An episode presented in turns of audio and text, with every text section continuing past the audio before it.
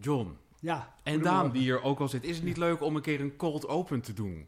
Dat heb ik net geleerd. Weet je, Nee. weten jullie wat het is? Nee, Dat dat je gewoon begint, toch? Ja, dat je gewoon begint zonder en dat dan later de tune erin komt. Oh ja, Dat is leuk. dus Zeg dat, maar. hebben we dat nu al gedaan eigenlijk. Eigenlijk hebben we de cold open al gedaan. Ja, nou oké. Kijk. Ja. Dit is Camping de Vrijheid, de poëziepodcast van Ingmar Heitse en John Jansen van Galen.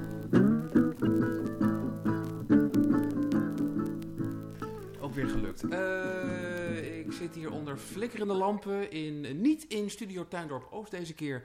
eh, maar in Studio Johanna Polder. Ons geheime vakantieadres. eh, onder de rook van Utrecht. De steenworp afstand van de, van de gruwelijke woekering van, hoe heet het? De Uithof. De Uithof, Allemaal. ja. Die, die, Ja, als je daar loopt, ja. waar ik per ongeluk liep, die kant moest ik helemaal niet op, dan Ja. voel je je in een vreemde film Die, die, die verzameling kombucha paddenstoelen van steen. Ja, Die langzaam dichterbij komen. Of is het kombucha? Daan, weet jij dat? Volgens mij is het kombucha. Kombucha klinkt, klinkt ook beter. dit is af- aflevering 6 en ditmaal dus, maar die komt straks aan de orde met Daan Doesborg. Morgen. Concurrent of leermeester over het maken van podcasts over poëzie. Want jij hebt er ook een. Dat klopt.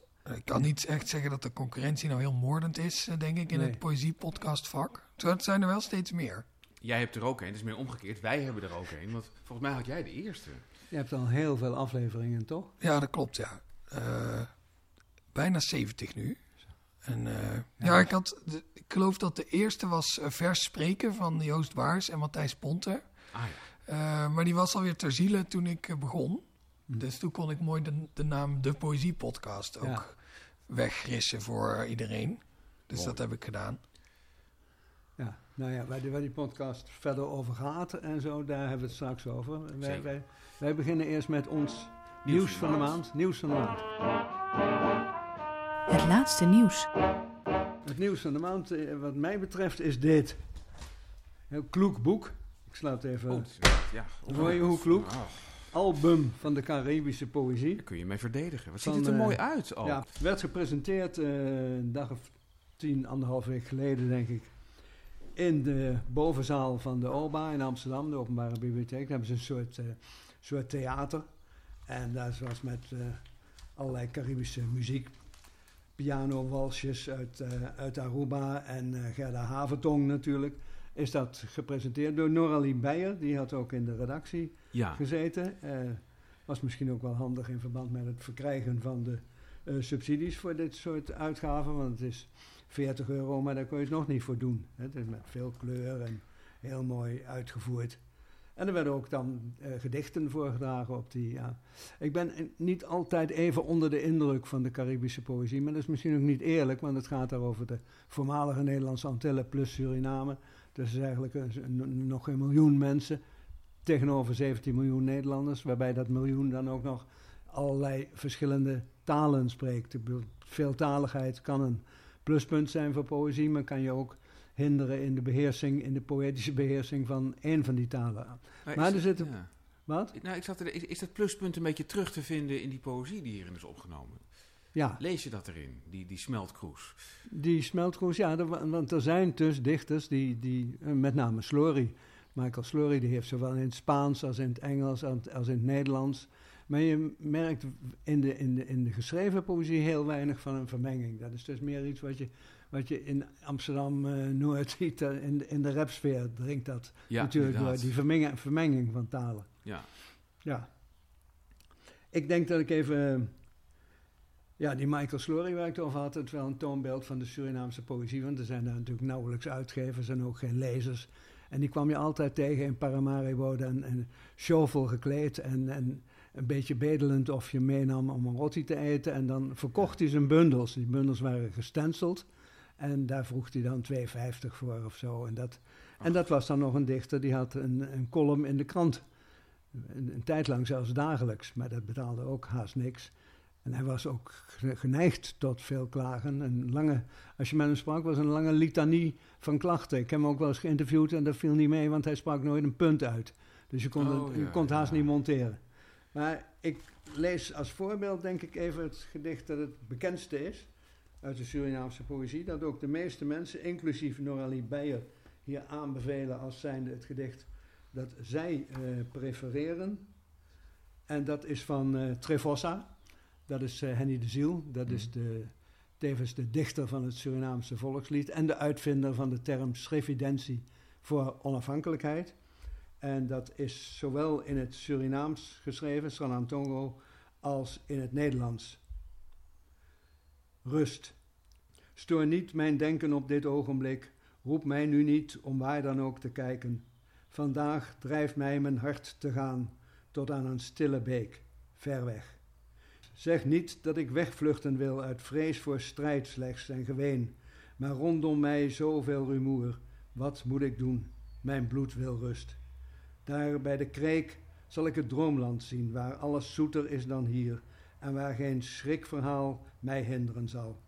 Als ik teruggekeerd zal zijn, misschien ben ik dan een beetje beter ander mens geworden, die lachen kan en slaag kan dragen.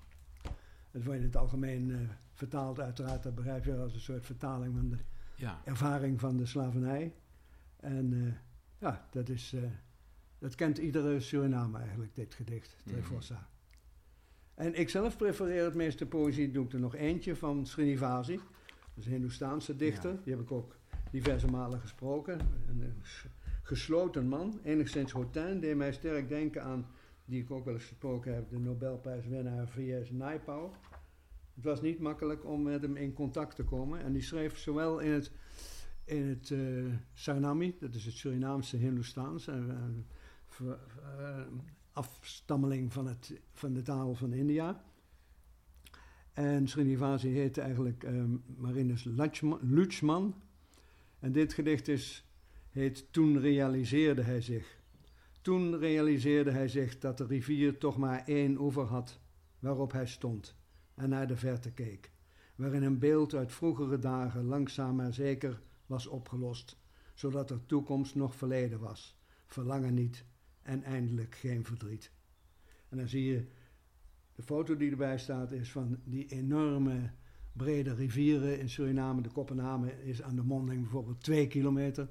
En Naipaul heeft een hele tijd aan de oostelijke oever van de Suriname-rivier gewoond. Die daar ook ongeveer anderhalve kilometer breed is. En waar je gemakkelijk dat gevoel kan krijgen wat hij hier beschrijft. Dat er maar één oever is. Ja, nou ja, het, het is het is te verkrijgen, het is uitgegeven. Oh, dat wou ik nog zeggen, dat vond ik een beetje treurig. Het is uitgegeven door uitgeverij Rubenstein. En bij die presentatie scharrelde natuurlijk ook uh, Frank Knipscheer rond. Waarbij de meeste van die dichters toch gedebuteerd zijn. En de tragiek van Frank is eigenlijk dat als die dichters dan doorbreken en succes hebben, dan zitten ze inmiddels bij een andere echte uitgever. En hij, hij heeft zich dan uitgesloofd en voor kleine opgaven al die bundels uitgegeven. Maar bijvoorbeeld Astrid Roemer, toen ze de hoe wat heeft ze ook weer gekregen? De, land, de grote, de grote ja, PC Hoofdprijs. Ja, precies. Nou, die was toen net bij hem weg. En dat geldt ook voor uh, Leon de Winter, dat geldt voor Alfred Berniet. Er zijn heel, heel veel mensen gebracht, zal ik maar zeggen, die dan op een gegeven moment dachten... nou moeten we toch een echte serieuze uitgever hebben... en dan bij Frank weggingen en dan een prijs wonnen. Waardoor het succes uh, bij een ander terecht kwam. Maar het is, het is, het is bewonderenswaardig wat dat hij dat allemaal volhoudt. Die voortdurende stroom van poëzie uit Suriname en de Antillen. Want het wordt daar denk ik nauwelijks gelezen. Wie weet, ja. Mocht, mocht een lezer dit weten, of een luisteraar vooral, uh, een lezer die ook luisteraar is ja. van deze poëzie, uh, meld u.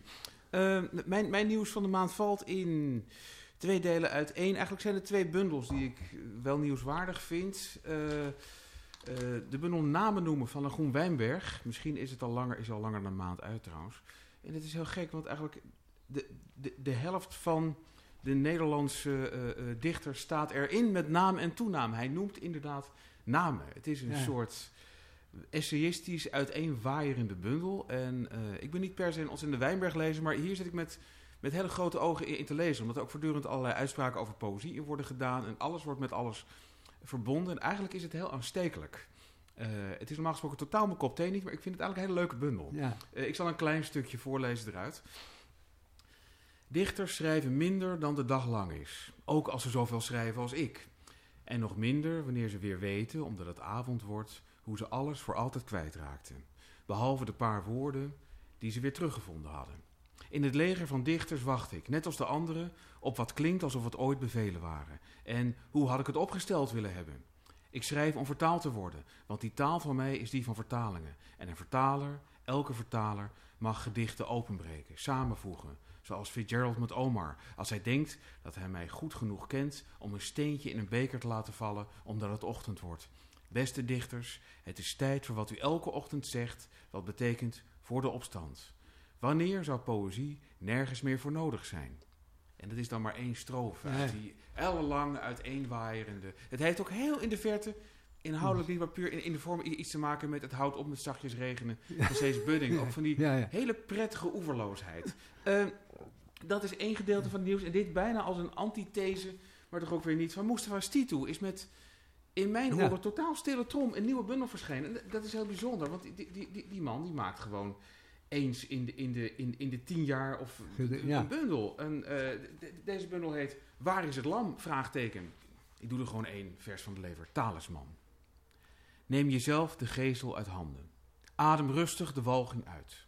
Stap doorheen die stolp van schaamte en zet kalm de blik van boven het barse vadermasker af. Er is genade in het midden van je leven, blijkbaar, een grote, langzame wending.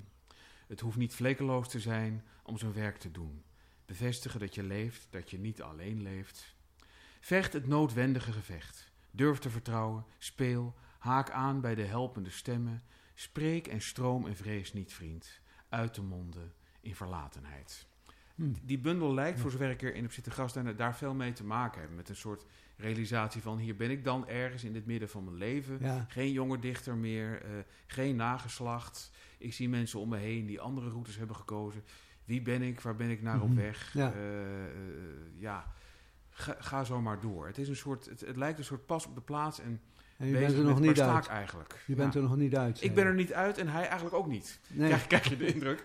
Eh, maar ik ga eens even goed doorlezen. En mocht over een maand blijken dat ik het nu totaal onrecht doe. Ja. Deze erg mooie gedichten. Alle, elk gedicht moest van Stitu is prachtig. Natuurlijk een hele mooie dichter. Hij wordt wel ouder, maar hij is nog jong. Ja.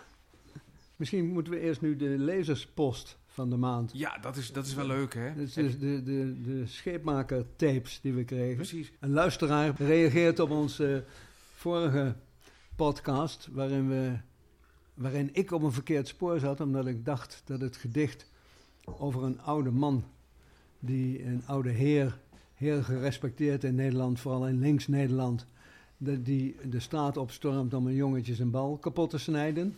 Zijnde die man dus Anton Constance. En dat die, dat gedicht geschreven zou zijn door Nico Scheepmaker. Maar dat kon niet, want die heeft zijn hele leven in Amsterdam gewoond en Anton Constance woonde in Heemstede. En het gedicht is dan ook in werkelijkheid van Jan Kal. Maar daardoor waren we komen te spreken over Nico Scheepmaker en dat hij ook eh, wel eh light verse, eh, lichtvoetige poëzie dichtte. En toen was er een luisteraar die meteen daar een tape van bleek te hebben. Inderdaad, we hebben echt luisteraarspost. Eh Roel Idema, om precies te zijn, en die laat het volgende weten. In de uitzending van deel 4, die ik vanmorgen vroeg hoorde, ging het kort over Nico Scheepmaker. Hij had, en nu komt het, ook een prettig scabreuze kant. Die kwam tot uiting in enkele van zijn gedichten die hij voordroeg tijdens de Nacht van het Hart. Meteen weer luisteraarsvraag. Was er iemand bij de Nacht van het Hart en kan hij ons daar wat meer over vertellen? Eh, ongetwijfeld in de jaren 80. Ik vermoed vergelijkbaar met de Nacht van de Poëzie. Zo ik gok het dat ook. het. Ja, Ja. ik gok op Tilburg om de een of andere reden, maar ik weet het niet zeker. Eh, lang heb ik een cassettebandje bewaard waarop een deel van de toen optredende dichters te horen is. Ik vermoed opgenomen van de radio. De avond werd gepresenteerd door Boudewijn Buug. Het bandje heb ik lang geleden gedigitaliseerd, maar verzuimd in de bestandsnaam jaartal op te nemen, als het al op de oorspronkelijke cassette was vermeld. De passage met scheepmaker gaat als bijlage.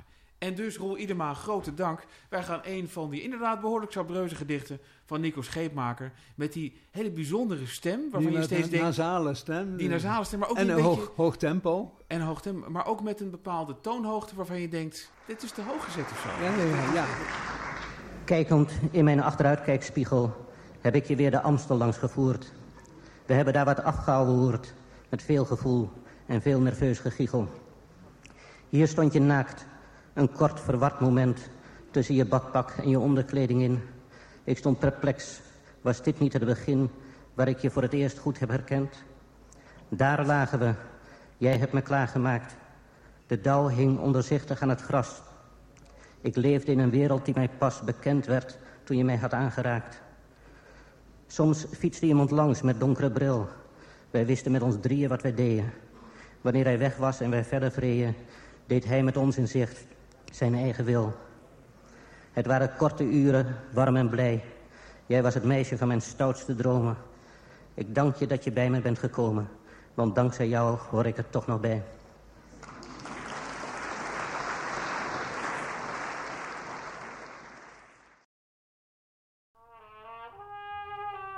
De gast van de maand. John en Ingmar praten met een coryfee uit het land van de poëzie. De eenvoudige introductie luidt Daan Doesborg, dichter. Daar ben je tevreden mee? Nou ja, En- dat is goed hoor. En, en chef van de podcast, hoe heet die podcast? De Poëzie-podcast. De Poëzie Podcast. Weet je wat het beste is om een dichter te introduceren? Om hem, hem te vragen eh, een gedicht van zijn hand voor te lezen. Ja, dat is een goede introductie Ja. altijd tot iemand, vind Nou, ik. doe maar. Dat is goed. Eh, even denken welke dan. Eh, ik zal een nieuwe doen, dat is altijd leuk. Eh, Ja. ou- oude gedichten zijn er al genoeg. Maar nieuwe gedichten raken steeds op. Of nou, hopelijk niet natuurlijk, want je maakt steeds nieuwe. Eh, maar deze heet eh, Vluchtgevaar. Het was geen vluchten wat we deden, een ontsnapping meer uit iets dat op ons leven leek. Stel je eens voor te leven zoals je toen deed. Je kijkt om je heen en ziet dit niet. Het vluchtschrift dat we drukten schreeuwde storm in het begin, maar werd gelatener, toen praktisch. Hoe meer naalden op het pannendak, hoe onvoorstelbaarder het werd dat iets verdiepingen kon hebben. Je denkt binnenkort al bijna niet meer aan explosies in de stad. Het idee alleen al van een vuilnisbak is weggecomposteerd. Wat is Amsterdam? Een rilling op de Sloterplas. Ja. Ja. Hoe meer naalden op het pannendak, zei je dat? Ja. Die kon ik even niet, daar was ik je even kwijt. Oh, ik dacht aan, aan naalden van, een, van naaldbomen. Ja, Mhm. Die eh, schijnen niet te rijden, maar doen het toch. ja, ja, ja. Dan krijg je zo'n gladde laag op je, op je dak. Ja, Ja, en naarmate de tijd verstrijkt wordt die laag dikker. Ja, En daarom hoe meer naalden op het pannendak. ja. Het is een genot om naar je te luisteren, want je weet wat er wordt gezegd, hè? Op, wie, je- op, wiens, op wiens stem de jouwe lijkt. Oh, ik, ik hoor wel eens eh, eh, Tom Waits. Heel goed, Ja. Tom weet, precies. ja. Nou, dan nog maar één gedicht eerst. Ja, heel graag. Ik heb natuurlijk alle afleveringen geluisterd van Camping de Vrijheid. En uh, Meerte Leffring, die had het over de jubileumbundel van A-Water. Ja, eh, waar ik ook in sta. ah, En ik dacht, misschien kan ik dan dat gedicht eh, nou, heel graag. heel Primeur. lezen. Eh, dat heet Travertijn. En het is in dankbaarheid opgedragen aan Menno Wigman. Je kunt ophouden met schrijven en het daarna van een dode weer leren alsof je het eerder nooit kon. Het gedicht dat je dan maakt zou je travertijn kunnen noemen of iets anders. Als Ockeghem zoveel melodieën kon bedenken, dan jij nog een gedicht. En nog één, en nog één. Waar ze vandaan komen weet je niet. Wel dat die dode er iets mee te maken heeft. Kom op zeg, je leest dit immers met mijn stem. Ja.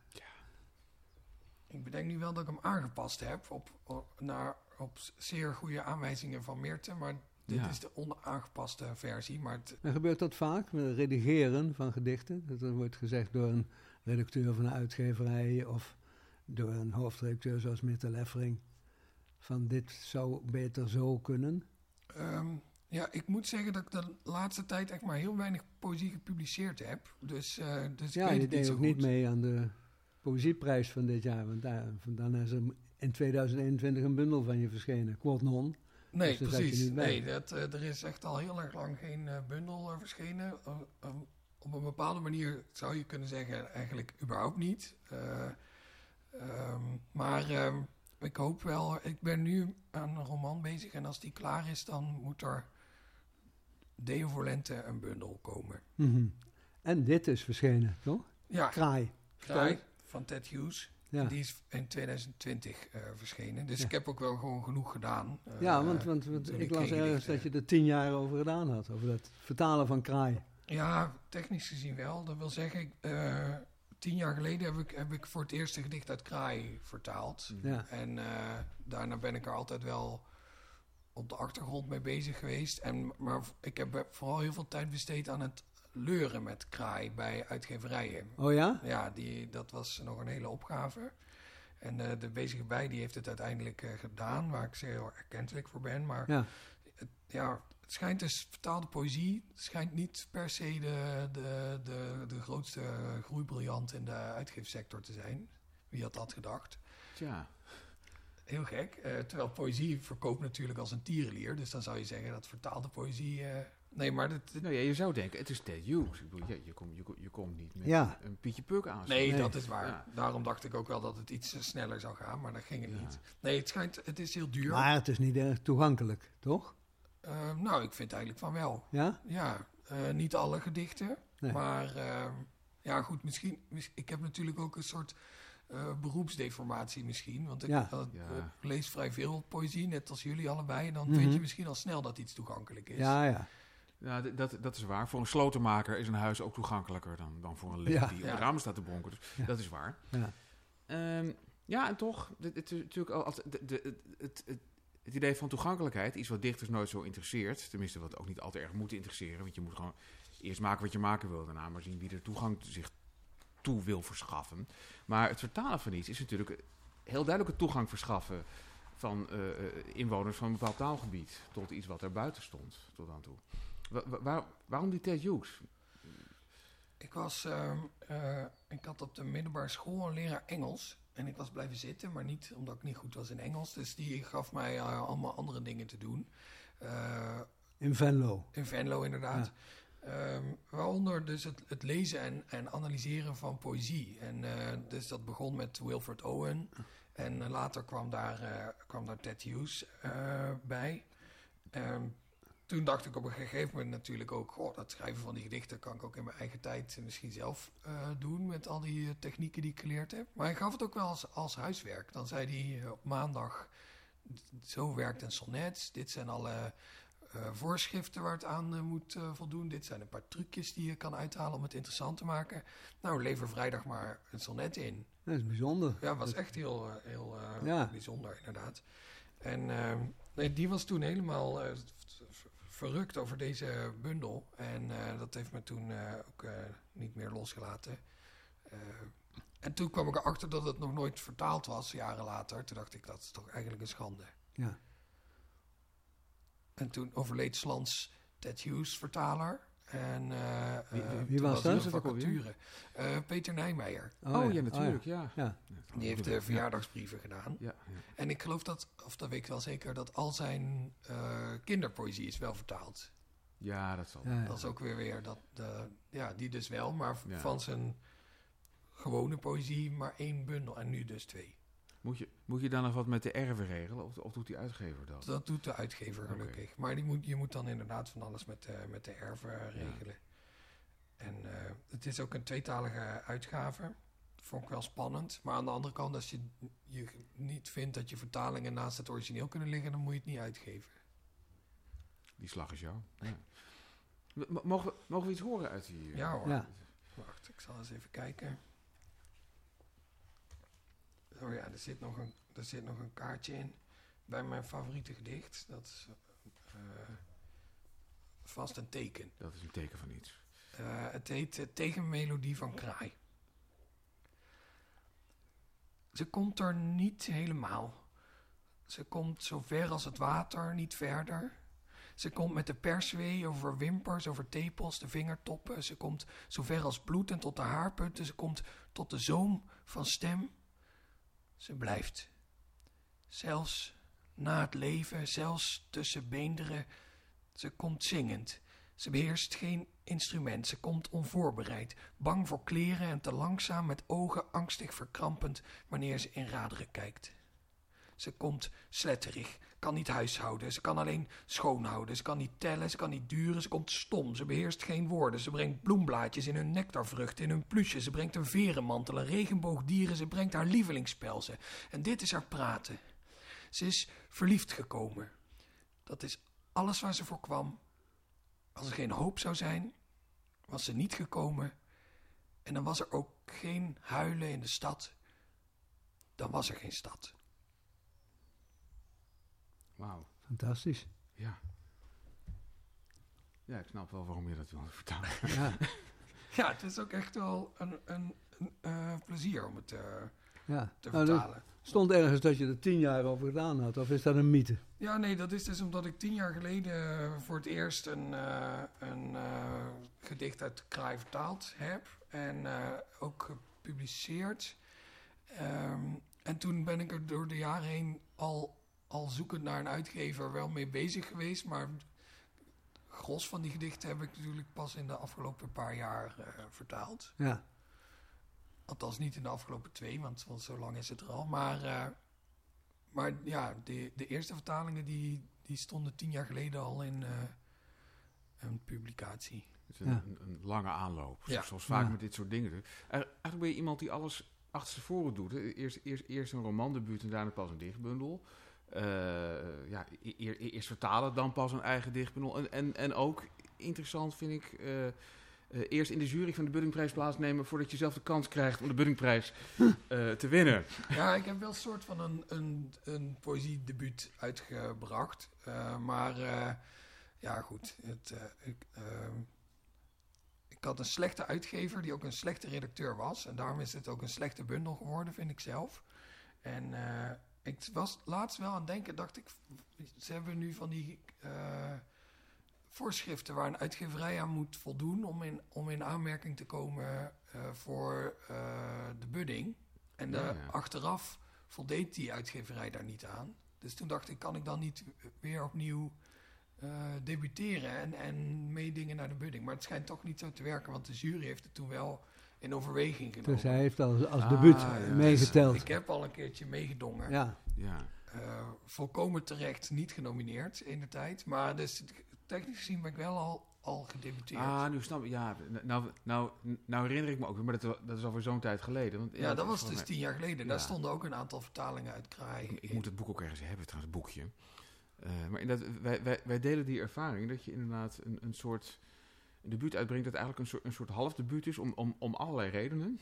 Eh, ik, ik debuteerde zelf bij de, bij de literaire stichting Lift, waar, waar Lijns Janema nog, eh nog en, Scheffer. Dat is toen een soort eindpunt voor me, maar dat had ook een soort beginpunt moeten, mo- moeten zijn. En dat, is inderdaad altijd, het zit een beetje tussen een officieel debuut en, een, en een, ja, iets van een stichting in. En ik was er heel blij mee en trots op en tegelijkertijd heeft het zeer terecht ook nooit iets gedaan. En eh, heb ik altijd van, ja, dat is wel mijn debuut, maar ook weer niet. Ja. Dat, dat is, dan, dan, dan krijg je dus een soort, bijna, bijna eh, net, net als Van Koenegracht, die met één machtige armzwaai zijn eerste drie bundels ooit verworpen. heeft. ja, ja, ja, verworpen. Kijk, Ja. oh, Maar nu eerst een roman, die is trouwens ook al lang verbijt. Ik bedoel, al vele jaren aangekondigd. Ja, dat klopt, ja. Ja. Maar dat is omdat ik het al een paar keer helemaal omgegooid heb. Ik heb laatst, of laatst, een jaar geleden, heb ik mijn hoofdpersoon verwijderd. Oh, En mijn, en mijn plot. Oh dan Dus, blijft eh, er niks over. Nee, dus ik had eh, ineens weer een heleboel te doen. Dus hij is nog Ja. niet af. Dat is inderdaad wel iets van, van hoofdpersoon. Het is een beetje van, wanneer is een fiets nog een fiets? Ja, precies. En Ja. dit is ook weer gezegd. De wanneer ben je man nog van? Theeshuis. geen het plot, geen hoofdpersoon. En, en, en waarom worden romans heel vaak aangekondigd? Wordt er nooit een roman afgezegd? Het is nooit zo dat iemand de persbericht de deur doet van... nou, nee, ik doe het niet meer. Nee. Nee, het gebeurt wel natuurlijk, maar het Ja. wordt dan zonder rugbaarheid eh, Precies. gedaan. En soms gebeurt het, verschijnt hij dan alsnog. Hè? De, de biografie van Jeff Last was geloof ik 35 jaar lang aangekondigd door Rudy Wester. En die is nu eindelijk uitgekomen. Ja. Eh, vorig jaar dan. Dus ja. En je zei Venlo, hè? Je komt uit Stijl. Dat klopt. Dan ben ik wel eens als wandelaar door Nederland ben ik wel eens in Stijl geweest. Dat is een heel... mooi dorp, hè? Wat? Een mooi dorp, hè? Ja, nou heel bijzonder vooral qua historie. Eh, Dat centrum bestaat alleen maar uit heel hoog katholieke gebouwen, zal ik maar zeggen. Ja, Ja. kloosters inderdaad. Ze zijn, die waren gevlucht, die mensen, voor de cultuurkamp. Dat vind ik zo'n mooi woord, de cultuurkamp in Duitsland. Bismarck die zat de katholieke kerk, wou die kort wieken en de invloed. En toen zijn deze, wat zijn het, Dominicanen? Ehm, nee, het zijn missionarissen. Het is een soort, een soort toen nieuw opgerichte eh, orde. Ja, De, de, het genootschap van het eh, goddelijk woord. oh, Ach, mooi En, zeg. eh, Ja. Die oprichter is heilig verklaard inmiddels. Dus we hebben ook een eigen heilige, die ligt daar ook. En eh, ehm, ja, die zijn, die zijn dus vanuit stijl eigenlijk de hele wereld over, over Ja, ja. En hebben, hebben nu ook over de hele wereld vestigingen. Hm, Maar dat, eh, het, hoofd, het hoofdkwartier, dat staat nog steeds in, in stijl. stijl, ja. Stijl met Y. Juist, Ja. ja. Ja. Kom je er nog vaak? Ja, af en toe dan ga ik bij mijn ouders op bezoek of Ja. ik moet iets doen. Ja, je hebt, je hebt een heel leuk museum daar, het Missiemuseum. Dat Ja, is ook van dus, die, van die missiepaters. Die dus van over de hele wereld eh, kunstvoorwerpen en eh, opgezette beesten eh, naar stijl gestuurd hebben. Oh, ja, dat is ook. Het is een heel mooi museum, ook omdat het eigenlijk de opstelling is nog hetzelfde als 100 jaar geleden. Dus het is ook een soort museum van hoe een museum eruit zag in die precies. tijd. Er kan nog gedonderjaag van komen tegenwoordig. Al die Inderdaad, mensen uit de, uit voormalige koloniën kunstvoorwerpen meegenomen. Ja, ze zijn er ook wel mee bezig. Ik geloof dat het eh, in het geval van het Missiemuseum wel meevalt, maar ik moet niet voor mijn beurt spreken, want ik weet het niet. Nee. Eh, maar de- en ik ben, nu, ik ben nu ambassadeur van het Missiemuseum, dus Oh, dan kom ik er af en toe aha. om eh, dingen Ja. te doen. Hey. En het is hartstikke leuk, want ik kom er ook al sinds ik heel klein was. En het is ook wat- leuk wat om met je kinderen heen te gaan, want ze hebben een animatronische beer Een uit de jaren 20. Oh, ja.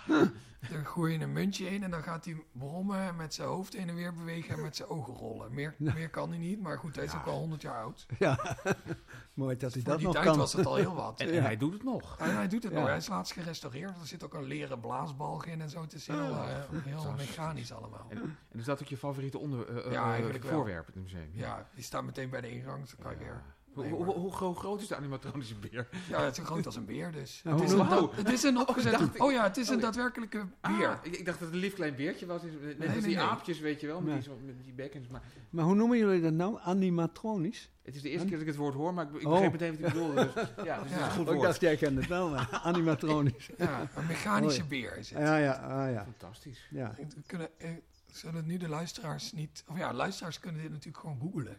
Ja, ze googlen op Beer Missiemuseum, dan vinden ze het wel. En dan laat ik straks aan jullie wel een foto zien. ja. Laat nou eerst nog een gedicht horen. Dat is goed.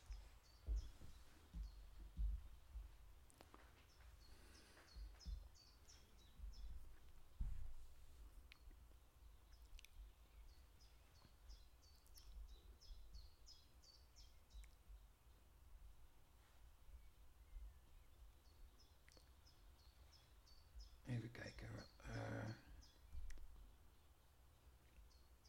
eh, willen jullie een, een, een zombiegedicht of eentje over Vazalis?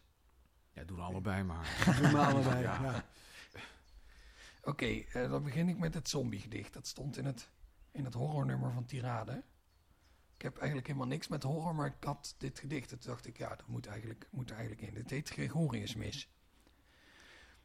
De klanken die een grafplaat maakt wanneer die over buren schuift... zijn net als die van mosterdzaad als je dat in een vijzelkom... met vijzel dus tot poeder wrijft.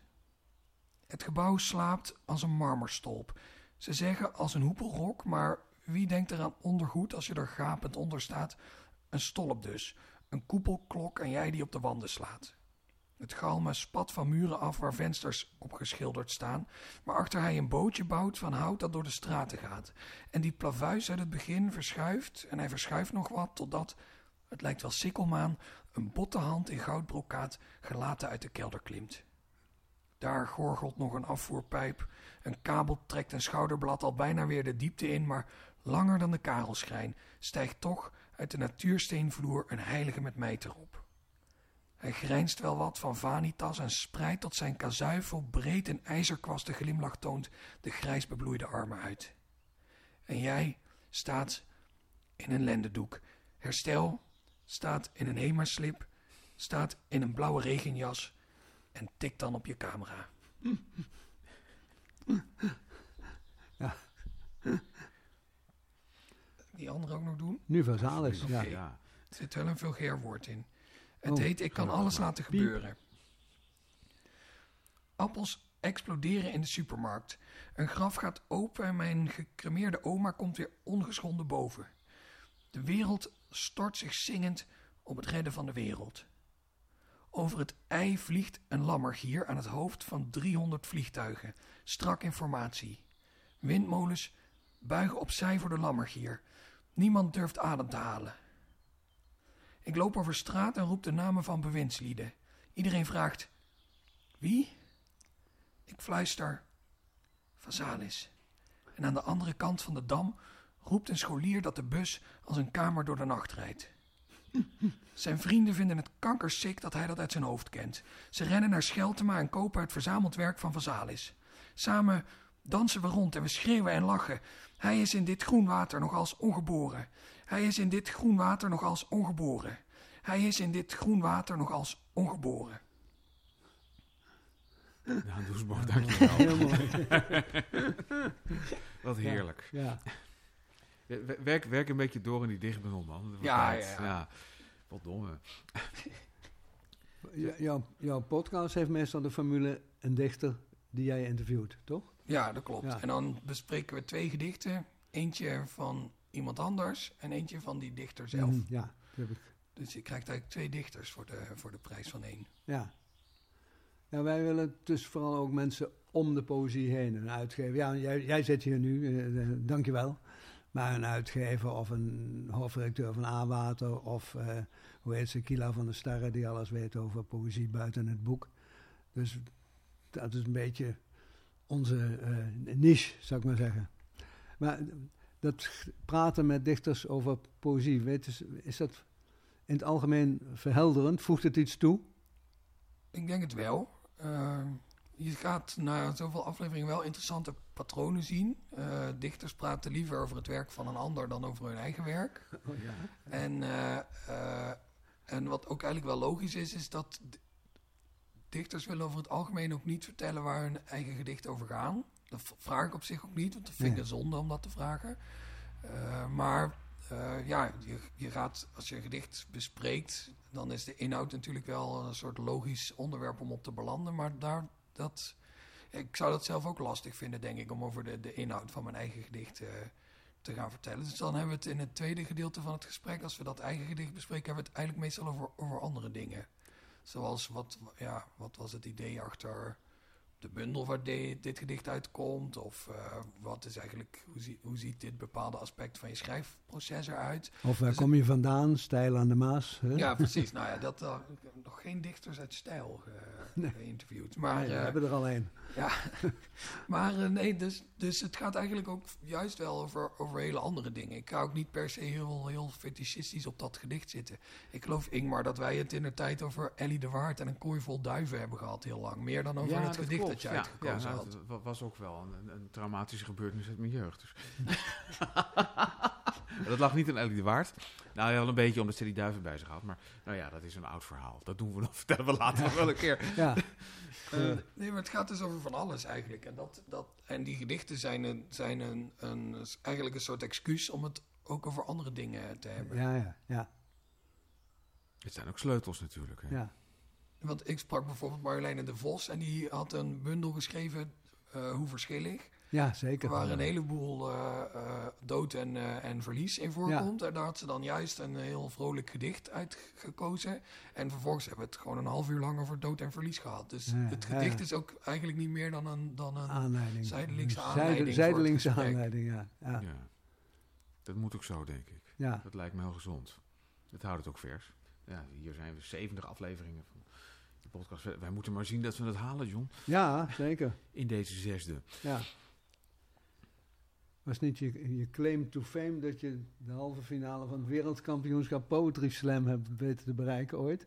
Ja, nou ja, voor, voor een claim, als claim to fame is het niet zo effectief, want het heeft niet heel veel fame opgeleverd, maar het was wel heel leuk om te doen. Ja, Nou, je hebt er inmiddels ook eh, een stuk of 30 gepresenteerd, toch? Samen, samen met Dekwits. Ja, ja, dat klopt. En ook zonder, eh zonder Dekwits. Maar Ja. ja, ja nee, dat NK Poetry Slam presenteer ik elk jaar. Ik heb ook een tijd lang zelf een Poetry Slam gehad in Venlo. oh, Eh, dus ik heb er al een heleboel gepresenteerd, inderdaad. ja. Meer dan ik er ooit aan eh, eh, deelgenomen heb, denk ik. Waar was dat wereldkampioenschap toen? In, eh, in Parijs. Ah, ja. Dat is volgens mij elk jaar in, eh, Ja. in Parijs. Ja. En, en ma- maken wij daar per traditie geen enkele kans? Of, of is dat, want, want, want dat hoor je altijd van ja, dat NK, dan ga je, ga je naar Parijs. Maar ja, daar staan allemaal Duitsers en Engelsen. En kun je gewoon kun je de veters nog niet van strikken als Nederlandse slammer. Maar is dat Nou ja, waar? Het heeft denk ik niet zoveel te maken met het, met het talent van de kampioenen die we afvaardigen, maar meer met, het, met de aard van het evenement. Want eh, sowieso is de Nederlandse slam-traditie is een beetje een vreemde eend in de bijt. Want eh, ja, hier de Nederlands kampioen Poetry Slam, die debuteert meestal binnen afzienbare tijd bij een reguliere uitgeverij. Ja. Dus het is wel, zeg Een maar, opstapje, ja. Poëzie, poëzie Ja. die we. Nou, maar de, de aard van de, van de gedichten zijn er dus ook naar dat je. Weet je, het kan op een, op een slampodium, maar het kan ook in, in tirade bijvoorbeeld. Ja, ja, ja. Eh, terwijl in Duitsland bijvoorbeeld is die slam scene heel erg versmolten met wat we hier eh, de, de stand-up comedy wereld eh, Ja. Oh ja? noemen. Dus daar is het veel meer, je vertelt met wat taalspel een grappig verhaaltje. En dan heb je de lachers op je hand en dan win je het Duitse kampioenschap. Het zijn Ja. ook hele getalenteerde performers, daar wil ik niks aan afdoen. Maar dus die, die Nederlandse poëzie is in vergelijking daarmee wat ontoegankelijker. Wat ingetogen. Ja, Ja. in Frankrijk is de poëzie die in de smaak valt, is heel activistisch bijvoorbeeld. Dat is hier wel in opkomst, maar toch nog steeds Hmm. winnen de, de, de, de poëtische dichters. Ja, ja. En daar komt bij dat omdat het in Parijs is, spreekt het publiek eigenlijk alleen maar Frans of Engels. En je Ja. moet in je eigen taal. Dus je staat daar in het Nederlands. Achter je wordt door een Franse vrouw door een PowerPoint geklikt eh, met de vertaling. Maar zij heeft alleen jouw Nederlands. Dus zij moet gokken wanneer je Wanneer- klaar wanneer- bent. wanneer je zover de bent. volgende slide moet. Dus ja. Dat de is ene dus helft van de tijd ja. is halverwege je gedicht is de PowerPoint al afgelopen. En de andere helft moet ze, als, als het gedicht afgelopen is, nog door vier slides klikken. Dat heb ik dus nooit geweten. Dus het is eigenlijk alsof je wordt gedwongen, zeg maar, de Tour de France te fietsen, maar dan op een, op een, op een oude vongers met zijtassen. Ja, Ja. ik weet niet wat dat is, maar ik geloof het meteen. Dat is een zeer oude gietijzeren fiets. Oh ja, ja. Oké, ja. Nee, maar nou, nou snap ik het. Ja, dan vallen we nooit in de prijs natuurlijk. Dat kan niet. Nee. Nou ja, ik geloof dat Carmine Michels, die heeft de finale gehaald. Zo. Als Ja, eh, enige Nederlandse Ja, dat is eh, ook wel... eh, deelnemer. ja, die, die, die, die, die kan er ook wat van. inderdaad, ja. Die, dus ik had gehoopt dat zij, dat zij wereldkampioen zou worden, maar dat werd ze niet. Wel Europees kampioen. Ja. Ja, Ja, dat heb je ook nog, maar dat was in mijn tijd nog niet. dat is Dus- ook wel mooi. Ja, dat is ook mooi. En, en, en wat, wat, wat, wat hangt daar voor prijzen aan eigenlijk? Dat weet ik niet, eigenlijk. Ehm, ik, denk, ik denk geld. Ja. En eh, Hij wil weten hoeveel geld hij Ja, nou, ja, precies. weet ja, het dus niet. ja. Ja. prijzen die ik niet gewonnen heb, daar probeer ik Ja, gewoon niet aan te denken wat, hoeveel geld je daarmee wint. Nee. Dat is een goed antwoord. Het NK is 1000 euro, dat weet ik wel. Oké, nou, dat, Ja. dat is... Ja. Ik heb, ik mijn platenspeler voor gekocht. Ja. Tien jaar geleden en hij doet het nog. Dus dat was een goede investering. Ja, precies. Maar dat mag ook wel voor dat geld. Ja, misschien nog één. één ik, ik, heb, ik, ik, heb, ik heb nog één eh, af, afsluitende vraag. Dat, dat juryschap van die, van die Buddingprijs. Want ik, ik, eh, eh, ik kreeg net van Poetry International kreeg ik een grote doos met al die debuten erin opgestuurd. Want ik mag er een soort van online sessies Oh ja, dat is mee gaan doen. Een zo is- leesclub, toch? Ja, de leesclub. En ik wou ze eigenlijk allemaal even gezien hebben. Want ik anders dacht van ja, dan weet ik helemaal niet wat er... Wat er Enorm, veel en enorm divers. Hoe was je ervaring bij, dat, bij de jureren da- daar- daarvan? Nee, ik vond het heel lastig. Inderdaad, omdat eh, je krijgt een beetje hetzelfde als op, als op zo'n WK eh, Poetry Slam. Want dat komt er ook nog eens bij. Je hebt zo, zulke uiteenlopende stijlen Ja. dat dat zich eigenlijk heel moeilijk met Ja. elkaar laat vergelijken. Eh, dus dan kom je al snel op het terrein van de individuele smaak. En als je dan drie juryleden die allemaal een individuele smaak bij elkaar zet, dan ja, moet je, en dan moet je samen tot vijf, vijf genomineerden komen. Ja. Ja, er was een hoop, eh, eh, een hoop goede discussie en interessante discussie. En we zijn uiteindelijk hebben we een hele mooie eh, shortlist gemaakt. Maar eh, het, was niet, het was niet makkelijk. Het was niet dat we binnenkwamen en zeiden... nou ja, we zijn er eigenlijk al wel uit eh, wie hiervoor genomineerd moeten worden. En laat staan wie hem dan nog wint. Nee. ja. Dat was een hele kluif inderdaad. Dus wees maar blij dat je alleen maar de leesclubs hoeft te doen... en niet het, eh, het jurylidmaatschap. Dat ben ik ook. ik heb maar één keer in de jury van de prijs gezeten. Behalve Doe maar dicht, maar wat ik elk jaar doe. Dat is altijd heel leuk. Maar ik heb één keer... Doe maar wat? een, eh, doe maar dicht maar. Ah ja. Dat is een- voor, Ja. voor, voor, scholieren. Mhm, Van ja. allerlei pluimage. Dat is Ja. altijd verschrikkelijk leuk om te doen. Heel erg Ja. leuk. Dus dat, dat, dat, dat wil ik nooit opgeven. Maar alle andere juryschappen, eh, eh, het is helemaal niet leuk. Het is, het is krabben en bijten. Ja, zeker. Nou ja, ik heb net die grote poëzieprijs gehad. 90 bundels. Ja, En zo sterk uiteenlopend. En over die vijf kun je het inderdaad uiteindelijk nog wel eens worden. Maar dan moet er uit die vijf. En dan, ja, dan is er, zijn de individuele smaken zo verschillend.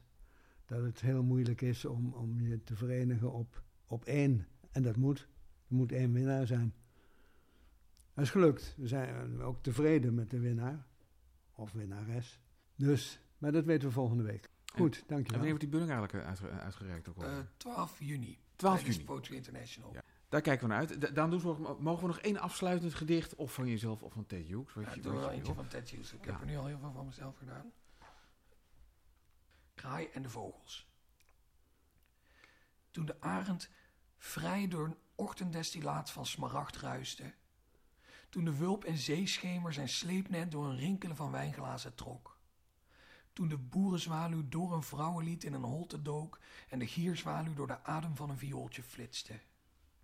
Toen de uil vrij van het geweten van morgen suisde en de mus de belofte van gisteren uit zijn veren streek en de reiger vrij rond de hoogovergloed ploegde en de pimpelmees vrij langs een kanten slipje ritste en de specht vrij rond de bosmaaier en de rozenkwekerij trommelde en de kievit vrij uit de wasseretten tuimelde terwijl de goudvink neerplofte in de appelknop en de distelvink bolde in de zon en de draaihals kom, kromde in de maan en de waterspreeuw uit de dauwdruppel tuurde. Slurpt de kraai ondersteboven in het strandvuilnis hangend een gevallen ijsje op. Dankjewel. Ja, dankjewel.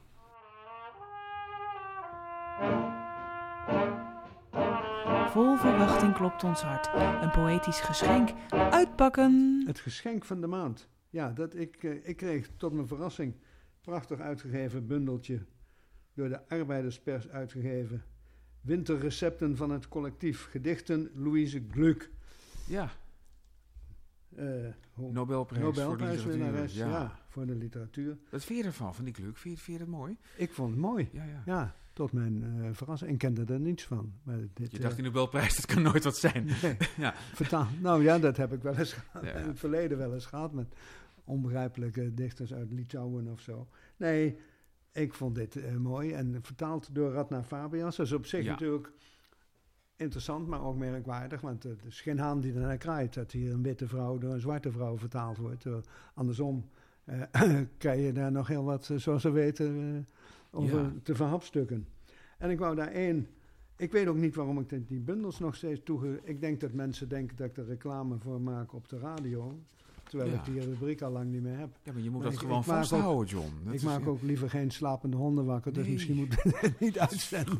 Ja. Dat en ik eh, lees het gedicht eh, Afternoons and Early Evenings, vertaald als middagen en vroege avonden.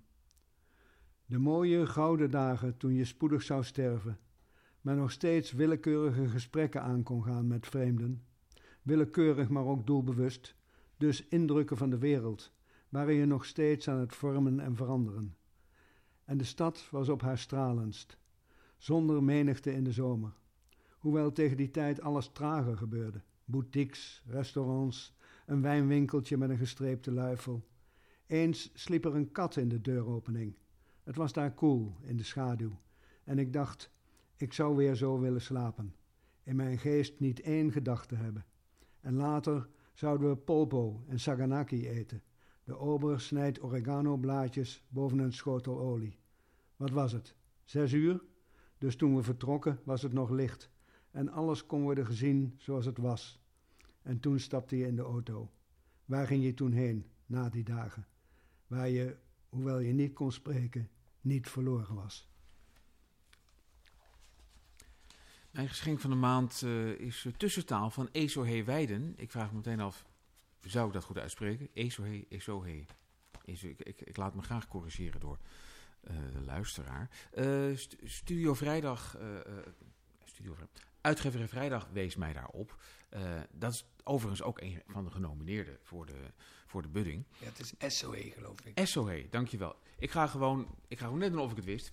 Eh, mijn geschenk van de maand is tussentaal van SOE Weiden. En eh, ik, ik wist natuurlijk al wel dat die bundel bestond, maar uitgeverij Vrijdag die stuurde dat toch nog op. En daar was ik heel blij mee. Zo werd ik er weer met mijn neus opgedrukt. Een van de genomineerden voor de Buddingprijs. Uh, ik lees Waarom ze van de maan houdt. Eeuwigheid in eenzelfde lichaam. Een constante die slechts veranderlijk is in haar schijngestalte.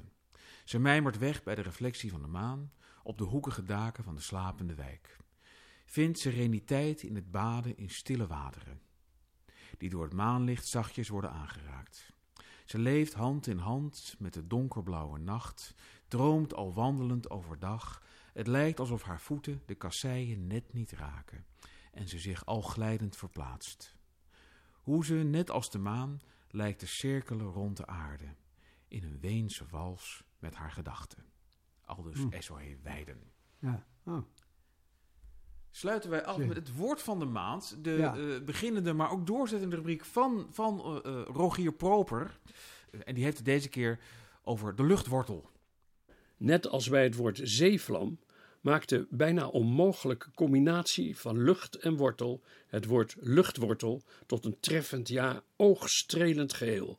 Een wortel behoort in de grond te zitten. Maar hoe deze wortel daaraan probeert te ontsnappen en na een korte, onbeholpen luchtreis tenslotte toch vaste bodem lijkt te vinden, maakt haar tot de dromers onder de wortels. Zo heb je dus ook personen die je een luchtwortel zou kunnen noemen. En daarmee zijn we aan het einde van deze zesde ja. aflevering van Camping de Vrijheid met Daan Doesborg. En uh, mijn partner in crime, John Jansen Vergalen. Het wat, wat zo, komt er nog zo rijk van inhoud dat we aan het gedicht van de maand helemaal niet zijn toegekomen. Maar dat maakt niet uit. Dan doen we een... Jawel, ik heb wel een gedicht van de maand gedaan, toch? Nee. Niet? Het geschenk van de maand. Potdomme. Het gedicht van de maand, dat hebben we overgeslagen. Maar dat beloven we dan voor de volgende keer dubbel op. De formule evolueert onder onze handen. Ja, John. zeker. Dat, Dat, dat is, moet, het is. uh, naar bevind van zaken heet dat toch? Zo is het, dat Ja. is mooi. Oké. Nou, dankjewel. En jij eh, ook. Goede thuisreis naar de, wat is het, Weduwe Schumacher. Ja, klopt, ja. Ja. Eh, befa- befaamd antiquariaat te Amsterdam. ja, dat klopt. Ze is geen weduwe alleen. Het was, ze, dit, eh, bestierde het antiquariaat met haar halfbroer. Oh, Ah, goed. Goed, ja. dus zij is broerloos. Ja, Ja. Ja. in- inmiddels wel. En zij is 95 of Ja, zoiets. klopt, ja. Ja. En, en jij gaat haar een handje helpen. Ja, precies. Nou, heel goed. Het is een monument, dit antiquariaat. Ja, ze heeft ook echt een prachtige eh, collectie. Nee, nee. De boeken waar je dan college over kreeg, die staan daar dan. Ten verse van Marsman. Dit was Camping de Vrijheid. Namens Ingmar Heidse en John Jansen van Galen. Tot de volgende aflevering.